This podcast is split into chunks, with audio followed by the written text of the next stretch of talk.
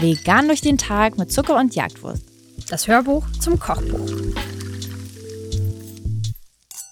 Kann es sein, dass es das erste Rezept war, das wir für das Kochbuch fotografiert haben? Ja, ha, da hast du recht. Das ist ein sehr hübsches Foto geworden, finde ich. Dafür, dass Sandwiches sehr schwer zu fotografieren sind, ähm, sieht das wirklich spitzenmäßig aus. Das ist eins meiner Lieblingsfotos, glaube ich, aus dem ganzen Kochbuch. Da ist viel Arbeit reingeflossen, aber wir haben uns auch super professionell dabei gefühlt, weil die Vorderansicht, die ihr hier seht, die ist natürlich sehr hübsch. Die Hinteransicht müsst ihr euch so vorstellen, dass da ganz viele kleine Make-up-Schwämmchen hinten im Brot eingeklemmt sind. Denn naja, wir mussten ja Fotos machen, das sollte ja schön aussehen. Wenn ihr das Sandwich jetzt zu Hause macht, werdet ihr sehen, dass man natürlich bei einem Sandwich nicht so schön reingucken kann, weil das Brot ein bisschen schief liegt, die Sachen natürlich nicht alle so toll von an der Kante dran liegen wie jetzt hier. Das heißt, tendenziell ähm, mussten wir dieses Sandwich ein bisschen aufstocken. Und das macht man mit Make-up-Schwämmchen, haben wir gelernt. Wir haben ja einiges auch gelernt bei diesem Shoot. Auf jeden Fall. Also vielleicht auch da posten wir irgendwann mal die Rückansicht das hätten wir vielleicht am, am, ans Ende des Kochbuchs noch heimlich packen ich denke, können. Ich denke, wie so Voldemort. Hat der nicht auch zwei Gesichter? Nee. Nee, der, aber ich weiß, was, oh. worauf du dich beziehst. Aber hm. ich habe mal gemerkt, dass du kein Harry Potter in Wirklichkeit bist. Gefährlich. Sorry. naja, ich wollte eigentlich nur sagen, vorne schönes Gesicht und hinten vielleicht nicht ganz so schön, aber naja. es ist ein ganz, hm. ganz leckeres Sandwich. Wenn ihr ein BLT noch nicht kennt, das steht für Bacon, Lettuce und Tomato und ist tatsächlich in den USA und in England oft eins der beliebtesten Sandwiches in Rankings. Ähm, ich glaube, in Deutschland gibt es jetzt per se, ist das noch nicht so bekannt, oder? Ich glaube, hier gibt es auch kein Ranking für Sandwiches. hier ist das dann niemand, ja. Ähm, nun ja, wir wollten das gern machen. Wir haben nämlich auf unserem Blog für längere Zeit eine Reihe, eine Rezeptreihe gehabt, die hieß Sandwich Sunday. Und da haben wir jeden Sonntag ein ähm, Sandwich-Rezept gemacht und ein bisschen die Geschichte dahinter erzählt.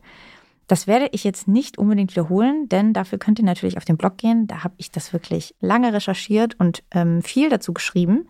Toll bei diesem Sandwich ist aber, dass der Name ja schon vorgibt, äh, was da drauf ist. Das heißt, die drei Hauptkomponenten sind Speck, die sind Salat und die sind Tomaten.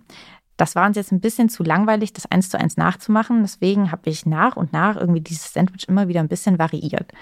Das hier ist jetzt sozusagen meine Lieblingsvariante davon, die ihr aber auch nochmal vereinfachen könnt. Wenn ihr aber auf die Zeit guckt, dauert das trotzdem nur 30 Minuten. Aber ich glaube ehrlich gesagt, ein normales BLT würde vermutlich drei Minuten dauern. Deswegen, ich kann auch verstehen, wenn ihr es noch abkürzen wollt.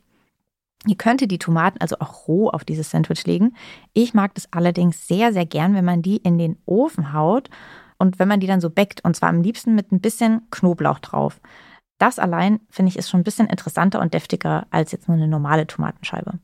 Die Mayo, die da sonst drauf landet, habe ich auch ein bisschen abgeändert. Da habe ich nämlich Dill und Zitronenabrieb reingemacht. Und ich sage euch, das ist mit einer meiner Lieblings-Sandwich-Soßen, die ich damit irgendwann mal gemacht habe. Ich liebe ja auch Dill. Dill ist mein absolutes Lieblingskraut von allen. Liebe ich Dill am meisten. Und deswegen, ähm, das ehrlich gesagt, könnte ich auch so essen. Das ist der Soße pur. Das ist der Smoothie meiner Wahl. Ähm, also ja, macht das mal tatsächlich, wenn ihr den Rest auch nicht mögt. Ähm, aber diese Mayo-Variante ist wirklich. Wow. Also preist du jetzt hier das Sandwich an und das sagst nicht mal im Namen steckt. BLTM. so nenne ich das als nächstes. Ihr könntet natürlich wirklich auch noch ganz viele andere Sachen da drauf packen, aber ich finde tatsächlich diese Sachen am besten. Für den Salat würde ich euch empfehlen, auch wirklich einen knackigen Salat zu nehmen. Das kann auch ein Eisbergsalat sein, der ein bisschen verschrien ist, weil er eben wirklich nach nicht sehr viel schmeckt. Aber ich finde, bei so einer Art von Sandwich geht es mehr darum, dass er diesen Crunch bringt. Dafür kann man, so wie wir es hier auch geschrieben haben, auch Romanersalat super benutzen. Aber ich würde jetzt nicht unbedingt halt wirklich sowas wie Rucola oder so nehmen, was jetzt gar nicht viel an Textur und auch Volumen so ein bisschen bringt.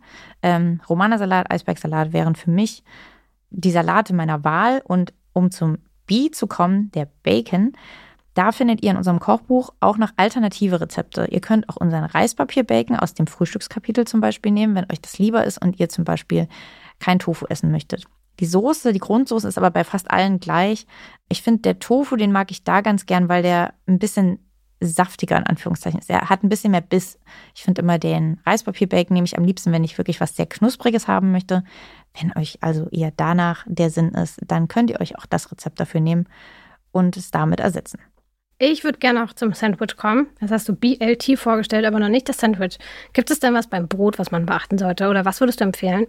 Ich mag bei dem schon wirklich dieses Sauerteigbrot am allerliebsten. Ich mag das halt gerne auch, dass man jetzt fette Scheiben hat. Weil ich finde, der Belag ist ja auch ziemlich dolle. Wenn du da nur ein bisschen Brot dazu gibst, finde ich, reicht das nicht aus. Und ja, ich bin tatsächlich da wirklich ähm, Fan von hellem Brot.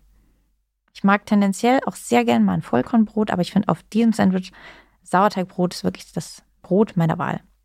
Klasse, dann haben wir jetzt alles geklärt. BLT, Sandwich, Mayo. Hm. Hm. also toll präsentiert. Ich habe jetzt richtig Lust, das zu essen. Vielen Ohne Dank. Make-up-Schwämmchen. Das stimmt. Dann schöne Mittagspause.